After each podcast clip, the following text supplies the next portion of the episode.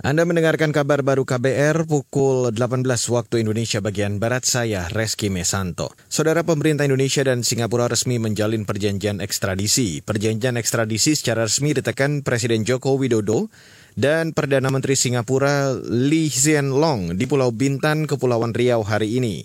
Perjanjian itu memuat kerjasama di bidang politik, hukum, dan keamanan. Untuk perjanjian ekstradisi dalam perjanjian yang baru ini, masa retroaktif diperpanjang dari semula 15 tahun menjadi 18 tahun sesuai dengan pasal 78 KUHP. Presiden Joko Widodo menambahkan kerjasama antara Singapura dan Indonesia juga meliputi persetujuan informasi penerbangan wilayah atau FIR. Kepala negara menyampaikan bahwa ruang lingkup FIR Jakarta akan melingkupi seluruh wilayah udara teritorial Indonesia, terutama di perairan sekitar Kepulauan Riau dan Kepulauan Natuna. Indonesia sendiri telah memiliki perjanjian ekstradisi dengan negara mitra sekawasan untuk mempersempit ruang gerak pelaku tindak pidana di Indonesia dalam melarikan diri. Beralih ke berita selanjutnya, Saudara. Direktorat Jenderal Anggaran Kementerian Keuangan menargetkan dapat meraup pendapatan negara bukan pajak atau PNBP sebesar lebih dari 300 triliun rupiah pada tahun ini.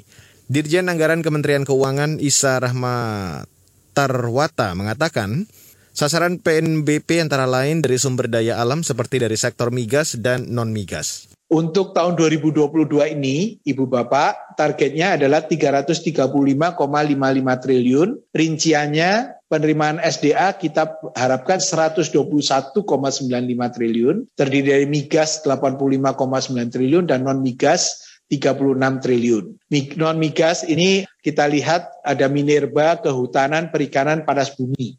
Dirjen Anggaran di Kementerian Keuangan Isa Rahmatarwata menambahkan, pendapatan dari non-migas meliputi sektor mineral dan batu bara, kehutanan, perikanan, dan panas bumi.